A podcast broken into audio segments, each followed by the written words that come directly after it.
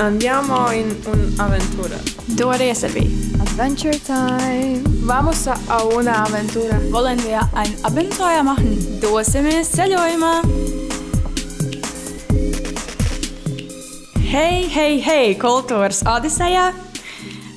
Man prieks, ka jūs atkal esat ieslēguši Spotify mums paklausīties. Tad, kad dzīve vēl rītēja ierasto gaitu, tad eh, ļoti iecienīts Latvijas brīvdienu galamērķis eh, bija Horvātijas skaistās dabas, vasarīgā, patīkamā klimata dēļ. Uh, un Horvātija atrodas Balkānu reģionā, un tās galvaspilsēta ir Zagrebe. Savukārt, manuprāt, visnotaļ neparasts atvaļinājums ir tiem, kas to pavadīja Islandē. Sala pavisam tuvu polāriem lokam un dzīvē piemērot vien tuvumā plūstošās golfa traumas dēļ. Tā rakstīts Wikipēdijā. Uh, lielākā daļa iedzīvotāju apmetušies tās galvaspilsētā Reikjavīkā, bet citviet ir uh, aktīvi vulkāni. Un pēc šī nelielā geogrāfiskā uh, ievada pievērsīsimies nedaudz kultūrālākām tēmām un dzīvajai pieredzei. Un ar mani šodien kopā ir Elvīra un Asnāte. Sveiks, meitenes! Sveika. Kā jums klājās? Ir interesanti. Nesūdos. Jauns dzīves ritms pavisam uh, dīvaināk nedaudz, varētu teikt, nekā ierasts. Daudz jāpavada laiku mājās, strādājot pie datora. Nedaudz arī gremdējos atmiņās par savu Erasmus laiku un ceļojumu uz Islandu piedzīvojumiem. Bet ir, ir jauki, es teiktu, jauns pārmaiņas, pielāgojos. Jā, laikam tas uh, galvenais, kas man šobrīd nodarbina, ir kā ieplānot savu laiku, kad nav neviens atskaites punkts un ir tikai kā, termiņi, kaut kas tamlīdzīgs. Un, jā, man gan ikdiena neļauj daudz sēdēt mājās un darbs. Bet uh, es domāju, ka tas ir tāds izņēmums tādā ziņā. Un, uh, bet jā, tieši uz šo sarunu nākotnē arī tāpat nu, atpakaļ atmiņas uz to laiku, uh, esot Horvātijā un, un visu, kas bija ar to saistīts. Jo tajā laikā daudz sanāk ceļot. Mm -hmm. Jā. Nu tad, uh, ko jūs tieši studējat un kur tieši jūs pavadījāt savu Erasmus un kad tas bija? Es studēju kultūras socioloģiju un menedžmentu. Varētu teikt, ka es esmu sociologs un menedžers divu vienā. Vēl neesmu izlēmusi īsti, kurā virzienā vairāk eh, došos, bet interesē abi divi. Un uh, savu Erasmus laiku es pavadīju maģiskajā zemē, Islandē, kur varbūt daudz cilvēku arī nenokļūs, bet es biju viena no tiem laimīgajiem. Uh, kurai izdevās tur veiksmīgi nokļūt un arī mācīties, un eh, piedzīvot un apskatīt eh, pašu Islandi un iepazīt cilvēkus. Un eh, es studēju otrajā lielākajā pilsētā aiz Reikjavīkas, kas ir Akureiri un Akureiri universitātē. Es biju uh, Horvātijā. Kā jau Zanda minēja, diemžēl, nu, varbūt tas nav diemžēl. Tā vieta, kur es dzīvoju, ir četras vismaz. Nē, nu, kādas sešas stundas no jūras, no tās skaistās, mm, tā kā skaistā turistu galamērķa. Iekšzemē pilsēta saucās Osieka, kas ir viena arī no lielākajām pilsētām. Viņa ir ārkārtīgi interesanta tīri savā vēsturiskajā fonā, jo tā bija tāda kā robeža starp tādām senajām, no, nosacīt senajām kultūrām. Un, Tur ir uh, viens, bijis viens no pasaules brīnumiem, uh, kurš diemžēl vairs neeksistē, jo tas bija 7 km garš koka tilts. Um, bet um, tā, jā, tā pieredze bija pavisam citādāka, kā ir aprakstos par Horvātiju. Bet uh, tā tāpat tās ļoti mainīja tādu uzskatu par to, kā cilvēki dzīvo un jā, par tiem apstākļiem, kādus mēs veidojam sev apkārt. Un ko tu studēji? Es studēju, jā, sorry, es studēju kultūras un mākslas studiju kursā, 4. Un es biju otrajā kursa, otrā kursa pavasarī, jā, Erasmusā. Un, jā, man, man nav tāda specializācija kā asnātei. Mūsu, mēs vēl meklējam, mēs esam pirmais eksperimentālais kurs šajā uzlabotajā teorijas programmā. Tāpēc mēs vēl meklējam to, kas ir mūsu vietiņa, kur, kurai mēs atbilstam. Bet interesanti tāpat. Tātad ir ļoti plašas nākotnes perspektīvas. To es pašu varu teikt arī par savu studiju programmu. Man arī viss prasa, kas tas būs. Es saku, bakalaura mākslās. Un precīzāk, nu, tā jau redzēs, kur pati gribēšu.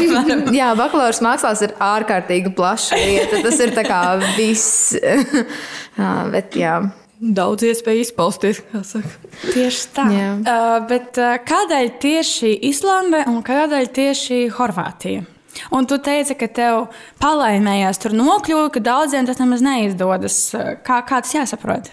Nu, es uh, laikam jau gribētu teikt tā, ka pat tā Erasmus iespēja, kas tiek dota akadēmijā šeit uz vietas, tieši braucot uz Islandi, tā ir pilnīgi tā viena vieta vienam studentam doties turieni. Un es, ja godīgi, es nezināju, cik daudz vēlas braukt, cik daudz piesakās, tāpēc es ļoti daudz darba arī ieguldīju savā pieteikumā, motivācijā, kāpēc es varbūt redzētu sevi kā. Ne, nezinu, labāko kandidātu.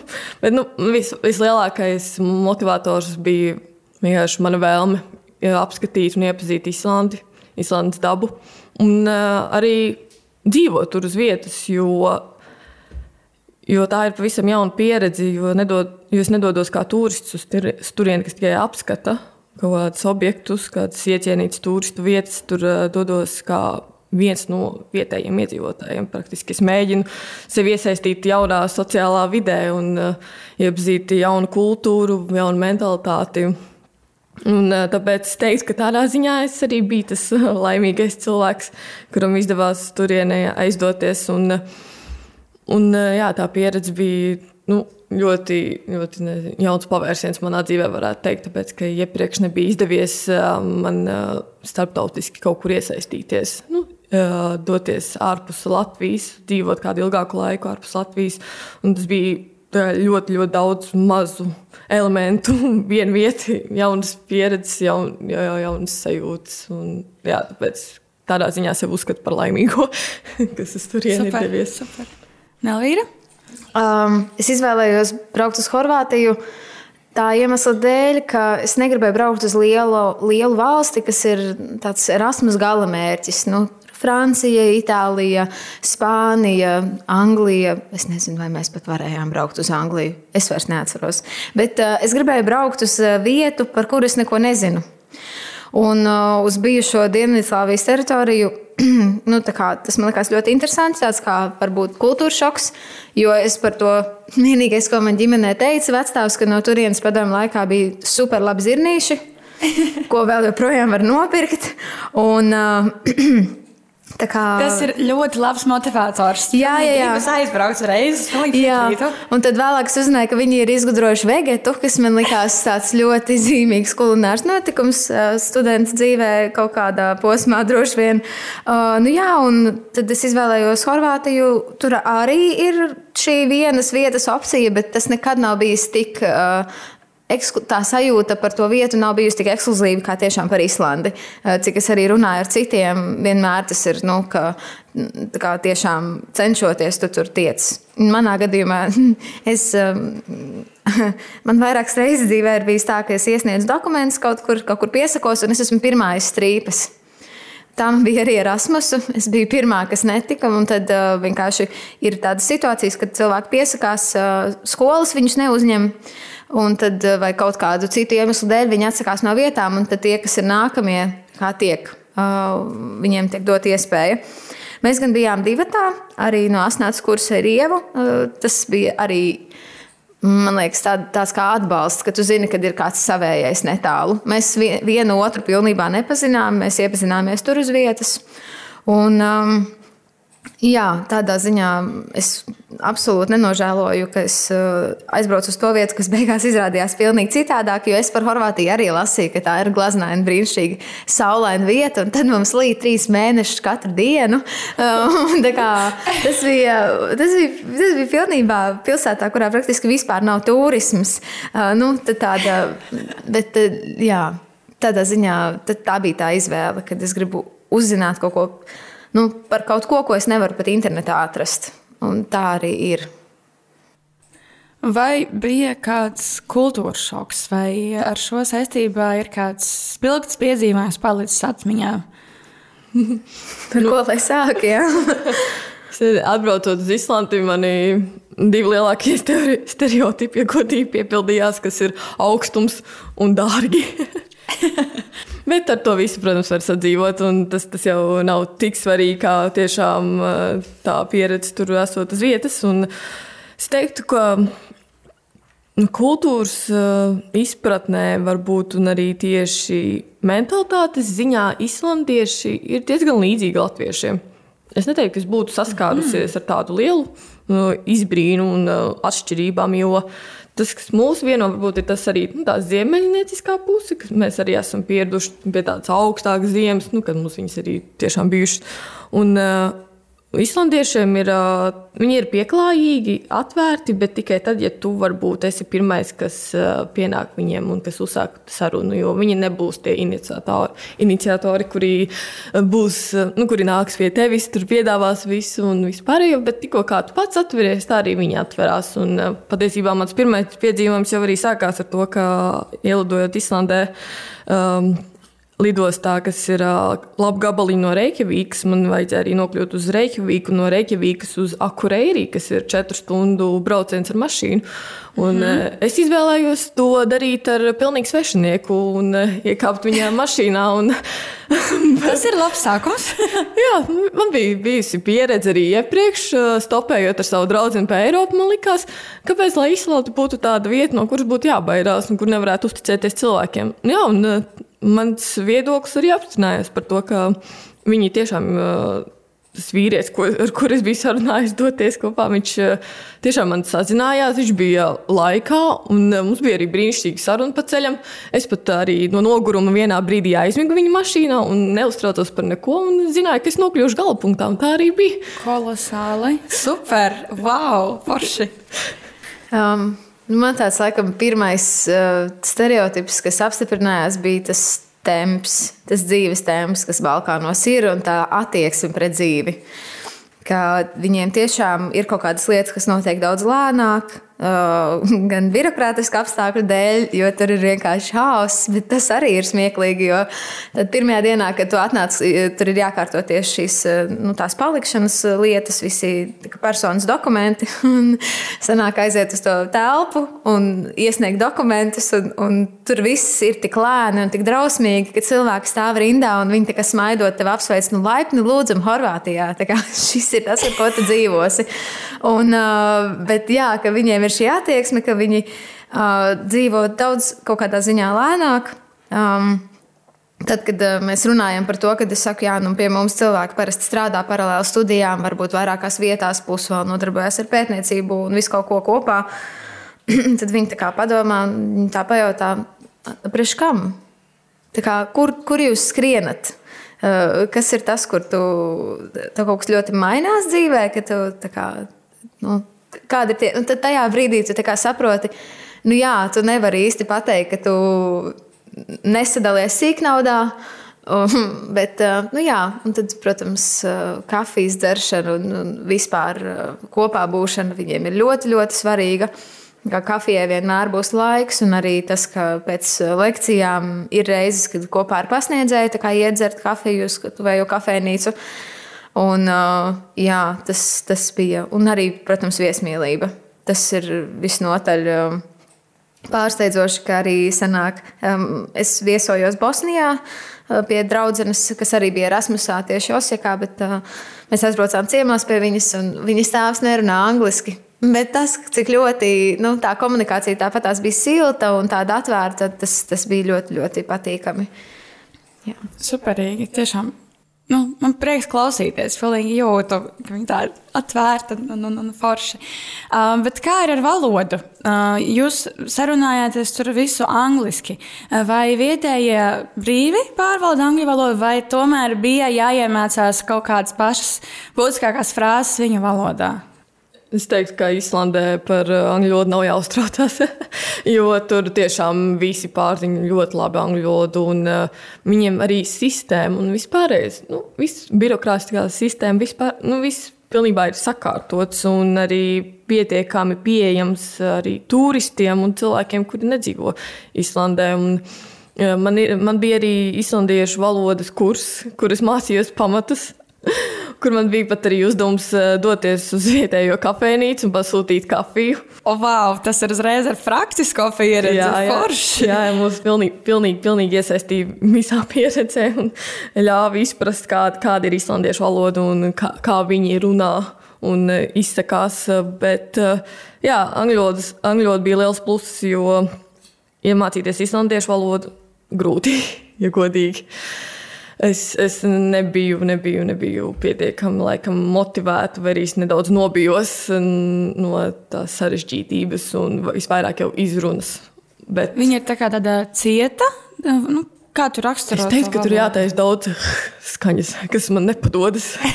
ja man, piemēram, būtu jāpasaka, man sauc asnāt, man jāsaka, e, e heiti asnāt. Ko, ko ļoti tāds jā, jāizrunā. Okay. Un es pat dzīvoju arī kopā vienā mājā ar puisi no Islandes, kur vārds ir rakstās Egils. Un tad uh -huh. jau kā mēs varētu teikt, oh, Egīla, Egīla. Normāli, jā. Bet nē, viņu izrunā, es pat neiemācījos viņu izrunāt pareizi. Visu to laiku, kamēr es biju Islandē, es centos, bet beigās es no sevis izspiedu kaut kādu Egīlu kas pat nav pilnīgi tuvu tam, kā tas jāizrunā. Tāpēc jā, tā, ir, tā ir tā mazā lieta, kas man arī nedaudz nobiedēja, un tāpēc pieturējos vairāk pie valodas uz vietas. Bet tad labi, ka nu, viņi teiksim, laikam saprot, ka tā valoda tomēr nav tik vienkārša un ir būtiski, lai būtu brīva saruna iespējama arī angļu valodā. Tas man liekas tā ļoti jauki. Jā. Tas tā forši. Jā, uh, Horvātija ir daudz vieglāka tādā ziņā. Tā ir slāva valoda. Uh, un um, arī interesanti ir tas, ka vietējiem ir forši, ka viņi var sīvī rakstīt, ka viņi māca horvātu, serbu. Uh, kā, uh, aktīvs. Man liekas, ka viņas tur pat ir vairāk kā četras šīs valodas, bet teorētiski viņas ir kā uh, lingvistiski, viņas skaitās kā dialekti. Mm -hmm. Bet tāpēc, kad ir tā, tas vēsturiskais fons, katra valoda to sauc par savu valodu. Jā. Uh, bet kopumā tā sajūta ir, ka tu runā kā Latvijā, runā ar cilvēku no Latvijas. Mm -hmm. Tu saproti, ko viņi saka. Ir vārdi, ko izmanto citādāk, bet kopumā tas ir tas pats. Un uh, tā izruna ir um, tāda, kā mēs runātu krieviski, ar ļoti smagu latviešu akcentu. Bez cietajiem burtiem. Un tā izruna ir tik tuvu mūsu valodai, ka viņā, nu jā, viņiem nav tie mīkstie burti, viņiem ir dž, kas ir, un viņiem ir divi dažādi č un č. Tāds starp, starp č un č, kur viņi paši īsti nezina, kurš no, jo ir divi burti, kurus raksta dažādi. Un viņi nevar paskaidrot, kā to izrunāt dažādi. uh, tas arī ir interesanti. Tādā ziņā to valodu dzirdēt bija ļoti patīkami. Tā bija viena no tādām spilgtākajām pieredzēm pirmajā brīdī, kad es ielidoju Zagrebā un es braucu. Man bija jābrauc četras stundas līdz pilsētai. Tas arī bija interesanti, jo pa ceļam autobuss notriec briedi. Un tad oh, tāds desmit km no tās pilsētas, kurā es dzīvoju, es domāju, šīs zīmes, kas tas ir. Bet um, visu laiku autobusā skanēja radio, kas ir tāds līdzīgs Latvijas radio divi. Nu, kaut kas tāds. Un Jā. tā sajūta bija tā kā mājās, jo valoda ir tik līdzīga latviešu valodai tieši tajā izrunas ziņā, ka viņi ir ļoti um, nu, patīkama. Un mēs arī runājām ar citiem erasmusiešiem, ka Viņiem, nu, piemēram, kas ir no Spānijas, mm -hmm. viņi teica, ka viņiem ir lekcijas, kurās viņiem liek sēdēt horvātu lekcijās, kuras ir horvātu valodā. Tur kaut kādas tādas dīvainas metodas bija, kas pilnībā nav humanitārajā, uh, humanitāro zinātņu fakultātē. Un viņi teica, ka viņi sēž trīs stundas, viņai sāp galva. Jo tā valoda, tu tā kā Baltijā troksnī sēdi, tu vispār nesaproti, kas notiek, tu visu laiku esi svešās skaņās. Bet uh, mēs runājam arī tieši, ka nu, nav tāda sajūta. Esot no Latvijas. Un, uh, mums bija arī horvātu valodas stundas, kas bija Nu, viņas nebija tādas augstākās kvalitātes, bet uh, vietējie visi praktiski runā angliski. Arī tas bija pārsteigums, ka aizejot uz aptieku, tur stāv tāda nu, tā 70 gadus apmēram veca sieviete. Viņa pēkšņi brīvi sāk runāt angliski ar tevi un, un noskaidrot, kas tev ir un kā tev palīdzēt. Un, eh, Balkānos it sevišķi arī jaunie cilvēki ļoti, ļoti labi runā angļu valodā. Par to es patiesībā esmu pārsteigts, jo es kādu laiku atpakaļ biju ceļojumā uz Melnkalnu, kas turpat nu, nosacīti netālu. tur ir, tur ir cita, cita un, jā. Un tur angliski darīt. Nu, Es teiktu, nav ko. Ja tu nerunā brīvi krieviski, tad tu, tu, tad tu esi iesprūdis. Un es gaidīju, ka mans priekšstats, kaut kāds stereotips aizspriedums bija, ka no nu, Horvātijā droši vien ir līdzīgi. Ja tu nerunā krieviski, tad tur nekas nav ko darīt. Un es esmu pozitīvi pārsteigts, ka ir pilnīgi pretēji. Jā, viņiem, viņi krievu valodu. Daudziem, sevišķi valodu studentiem, patīk krievu valoda, jo viņa ir interesanti skan. Viņa ir līdzīga, bet viņa nav, nu, tas nav tas pats. Bet varbūt tas ir saistīts arī ar uh, turismu. Kāda veida turisti ceļo uz šīm valstīm? Jo Horvātijā ļoti daudz ir. Uh, nu, tas ir tāds Eiropas, Eiropas galamērķis. Un uh, arī viņiem ir ļoti spēcīgas tieši angļu teiksim, angļu literatūras studijas, nu, it sevišķi tie, kas studē tur. Un, uh, viņiem arī ir tas, ka ļoti daudz cilvēku brauc prom no vispār Balkānu reģiona, brauc prom dzīvot citur. Un it sevišķi akadēmiskās vidas cilvēki, viņi brauc studēt uz Ameriku bieži vien, un tad viņi atbrauc atpakaļ. Līdz ar to viņiem ļoti laba valoda un viņi spēja iemācīt ļoti labi. Um, jā, bet Melnkalnu es neaizbraucu. bet tur, jā, tur esot tāda cita tā sajūta, kā, jo Horvātija ļoti eiropeiska. Tas ir forši. Vai? Tu Andrej dzirdēji, es ļoti gribēju tās Horvātijas, jau pirms tam gribēju, tagad es gribu vēl vairāk. uh, bet kā ir ar uh, jums tieši pašām? Ko Erasmus ir devis jūsu pašizaugsmē un personībai? Ko tas ir jums iemācījis? Man tieši šī pieredze palīdzēja kļūt atvērtākai. Jo, jā, kā jau iepriekš teicu, man nebija bijusi iepriekš tādas nu, iespējas, vai arī es nebiju pati izmantojis tās iespējas, lai uh, iesaistītos starptautiskos projektos, lai kaut kur aizceļot uz ilgāku laiku, dzīvot un iepazīt cilvēkus no citām valstīm. Uh, Un, protams, bija ceļojis, bet tas jau ir uzreiz citādāk. Tad tieši Erasmus man, manai personībai deva to atvērtību, spēju komunicēt un respektēt arī cilvēkus no citām kultūrām, kuriem ir citādāk arī dzīves uztvere. Un, jā, un tieši tas, nezinu, Islandes skarbais klimats, varētu teikt, kaut kādā veidā nezinu, mani nobružāja.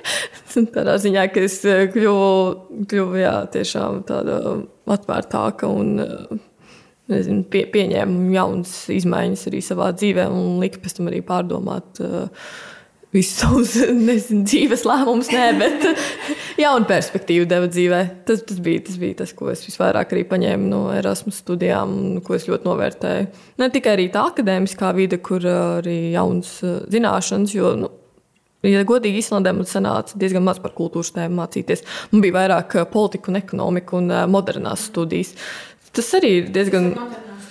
Tas, um, tas arī bija vairāk sasaistīts ar ekonomiku, bet nu, no ekonomikas teorijām, no, no kapitālisma, neoliberālisma un vispārējā mēs varam arī vilkt tās socioloģiskās paralēles un eh, to, kā tas veido mūsu dzīves un mūsu paradumus. Tas man arī deva tādu plašāku skatījumu. Un, eh, tādā ziņā arī akadēmiskā pieredze tur eh, kaut arī nedaudz citādākās tēmās, un varbūt ne lauciņā, kurā es labāk orientējos, man, eh, man deva lielāku tādu skatījumu uz to, gan, ko es pati studēju, un arī kā tas viss savstarpēji ietekmēs viens no otra. Ka, jā. Tiešām Jā. tāds brīnišķīgs laiks. es varu ļoti piekrist par to, ka mainās tās mm, domas un vispār reakcijas uz to, kā citi cilvēki domā un kā viņi redz pasauli. Jo es ļoti ilgu Erasmus daļu cīnījos ar to, ka man nebija skaidrs, kāpēc, viņi, nu, tā, kāpēc, jūs, kāpēc jūs darat lietas, kā jūs darat. Tas ir tik piņķerīgi vai arī tik bezsakarīgi. Bet ar laiku uzzinot, es piemēram uzzināju tikai pēc Erasmusa tā stipri vairāk uzzināja par 90. gadu karu, kas viņiem bija. Un tad es sapratu, ka neviens, neviens vietējais par šo vēsturisko faktu, arī tie, kas studē vēsturi, par, ar mani par to nerunāja. Līdz ar to nu, tas izskaidro man ļoti daudz viņu tādas lietas, ko es nesapratu, tas man tā tiešām nu, liek arī šobrīd. Nu, padomāt, ka tiklīdz man ir kaut kādas reakcijas uz kaut kādu nesapratni, vai, nu, jā, vai nesapratni par to, kāpēc cilvēki dara lietas, tad piebremzēt un padomāt, ka nu, tas um, tam noteikti ir kaut kāds cēlonis. Un, uh, jā, tas, tas man liekas, ir ļoti nozīmīga lieta. Un arī jā, par akadēmiskajām, par attiecībā, attiecībām ar studijām cilvēku tieši. Un arī par pasniedzēju attieksmi pret studentiem un vispār tiem studiju modeļiem. Tas, man liekas, arī Erasmus ir brīnišķīgs tādā ziņā, ka Tu saproti, kas, kas ir tava vieta tajā visā, nu, apmēram. Tu saproti, kas tomēr varbūt tās, hei, man šis nesanāca, tāpēc, ka tu, es aizbraucu tagad uz to citu vietu, un es saprotu, man īstenībā tas sanāk. Es vienkārši nesaprotu, ko no manis šeit prasa. Uh, vai arī otrādāk tieši, kad es aizbraucu tur un saprotu, cik forši, kad mums ir šī tā. Uh, tas, tas man liekas, arī ļoti. Man gan sanāca mācīties diezgan daudz par. Kultūras un uh, tēmām un literatūru. Jo nu, es paņēmu ļoti daudz kursus uh, angļu valodas fakultātē. Tāpēc tas bija, tas bija vienkārši ērti. Uh, viņi diezgan stingri skatās, kam cilvēki atbilst. Jo viņiem ir. Um, viņi, tie studenti ir patiešām zinoši tajā, ko viņi studē. Dažreiz pat salīdzinot ar Latviju un ar, ar, ar šo vietu, man tāda balta skaudība mazliet ir. Nu, kas eh, jā, tā, tās divas lielākās pieredzes. Laikam. Man bija tieši tāpat ar akadēmisko pieredzi, jo es arī iepazinu to, kā Islandes universitātes um, modelis strādā. Jo tieši Akureyri universitātē uh, praktiski studentu uz vietas gandrīz vai nav. Jo ir daudz mazo ciematu, kur, uh, kur studenti dzīvo un viņiem vienkārši klimats vai arī nu, iespējas neļauj braukt uz universitāti katru Tad dienu. Viņi būt... pandēmiju bija vieglāk droši vien pieņēma. Jā, viņiem praktiski jau tā sistēma viņiem ir sagatavota, lai nu, izturētu jebkuru pandēmiju, kas ietver māj, mājasēdi. Jo, jo darbs arī tiek organizēts uh, virtuāli. Tādā ziņā, ka pasniedzējiem vienmēr ir austiņas, viņi ieraksta. Un ir arī kamera ieslēgta. Līdz ar to, to arī var redzēt, ko pasniedzējs uz uh, tāfeles raksta. Un, um, pieņemsim, ja tu izlaidi kādu lekciju un neesi uz vietas, tu pilnībā gandrīz to pašu pieredzi un zināšanas iegūst arī pēc tam skatoties eh, audio un video lekcijas, un arī turpat ir iespēja iesaistīties diskusijās. Tādā ziņā tā sistēma un um, darba organizēšanas modelis viņiem ir ļoti attīstīts, un tas ir tas, ko varbūt es arī gribētu, lai nu, Latvijas universitātes un uh, akadēmija arī pārņemtu, jo arī darba process, uh, kur uh, bija konstanti kādi mazie uzdevumi, un ieskaitas un eh, praktiskie darbi, grupu darbi. Viņi veidoja tādu vienu lielo vērtējumu par tavu kursu beigās un par tavu māc, nu, ieguldījumu.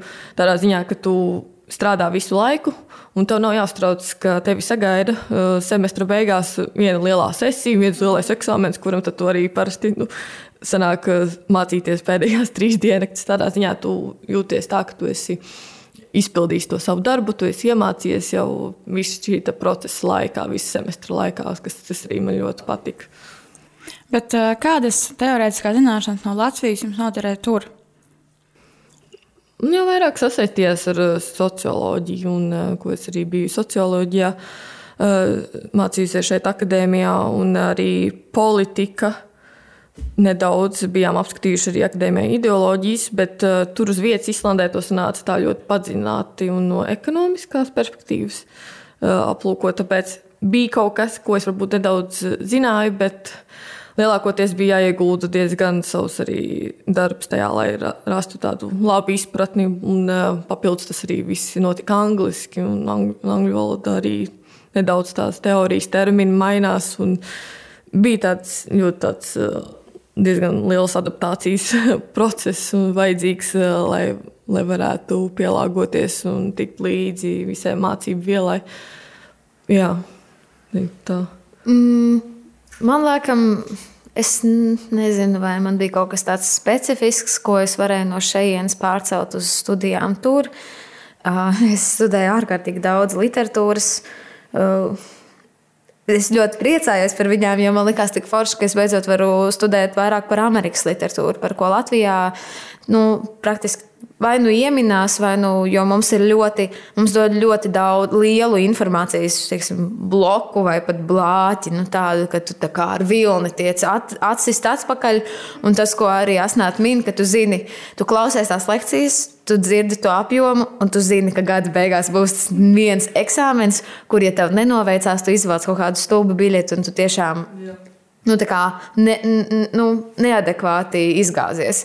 Bet, um, tur gan bija tāda līdzīga situācija, bet tie priekšmeti bija daudz specifiskāki. Es mācījos arī uh, um, mūsdienu brītu literatūru, kas bija tieši saistīta ar distopijām, uh, mitoloģiju un tad. Uh, Dažāda veida šīs uh, jā, virzienus. Un man liekas, ka es, ja godīgi, man liekas, ka es no turienes ieguvu vairāk priekš studijām šeit. Jo es atbraucu atpakaļ, un mēs, mani kursu biedri bija nonākuši līdz šim 20. gadsimta posmam. Un tad man likās, ka jā, mēs analizējām kaut kādus dažādus, dažādu mākslas virzienu, piemēram, manifestus un salīdzinājām ar literatūru. Un es atbraucu šeit, un tāpēc, ka tas apjoms ir tik milzīgs, tie manifesti tiek tā pieminēti, bet tas nu, es sapratu, ka tā, tā zināšanas, ko es devu, guvu tur, man šeit kā, palīdz kā kruķis tikt cauri tiem, tiem apjomiem, kas ir šeit. Un, jā, tas drīzāk jā, otrādi, kad es no turienes guvu priekšējienes vairāk. Nu, bet tas ar tomēr ir forši. Jā, jā, jā tas uh, absolūti ir noderīgi un vērtīgi, ka man bija vēl pusotrs gads jāiztur. jā. Es esmu sagatavojis nelielu attrakciju, uh, oh. kuru es nosaucu par 3XY jautājumiem. Tas būs tā, ka Elvīrai es uzdošu jautājumus par Islandi, bet Astnētai par Horvātiju. Un, un tad jūs jau mēģināt atbildēt. Būs tāds no, variants. pirmais jautājums Elvīrai par Islandi. Islandē ir diezgan ievērojams ķeltu kultūras mantojums. Ķeltu mitoloģijas būtņu vārdus varam sastapt arī Mārvela filmās. Kurš no šiem, ko es līdz nosaukšu, nav no ķeltu mitoloģijas? Uh, Loki, Tors vai Thanos? Pirmais. Loki. Jā. Nē, tas ir, vai ne? Jā, jā. jā Thanos nav. Jā. Jo, okay. jo, jo Loki ir tā kā ļaunais brālis, ja nekļūdos. Jā, jā, jā. Tors ir tā galvenā. Lielā dieva dēls, kas valda pār zibeni. Astotnē jautājums par Jā. Horvātiju. Ko Horvāti saprot ar nosaukumu Dalmācija? Pirmais variants - filmu 101 Dalmācijas, jo tā ir Horvātijā radīta suņu, suņu šķirne. Otrais - reģionu Horvātijā. Trešais - melnos punktiņus acu priekšā, kad piecēs pārāk ātri kājās. Wow, Dalmācija. Mm. Es teiktu, Elvīra smaida. Nē, nu es tagad precīzi nezinu. Un, Jā, es nezinu, tulkojumu šim vārdam. es mēģinu pateikt pēc tavas sejas izteiksmes, kurš, kurš izskatītos pareizākais variants. Es teiktu, vidējais. Es pat aizmirsu, kas viņš ir, bet kāds viņš bija. Es te, Jā, es tas, vidējais. tas ir kā reģions Horvātijā, kas ir tieši pie jūras. Es saprotu, tas ir tas visiecienītākais. Tas ir apakšā, tur ir Dubrovniki, un tas ir tāds interesants reģions, ko, par ko Bosnija smējās, ka Horvātija ir tā, tāds karodziņš. Viņi ir ļoti, ļoti dievi desiņi gar jūru, un tad ir tāda tā kā zona zona iekšzemē.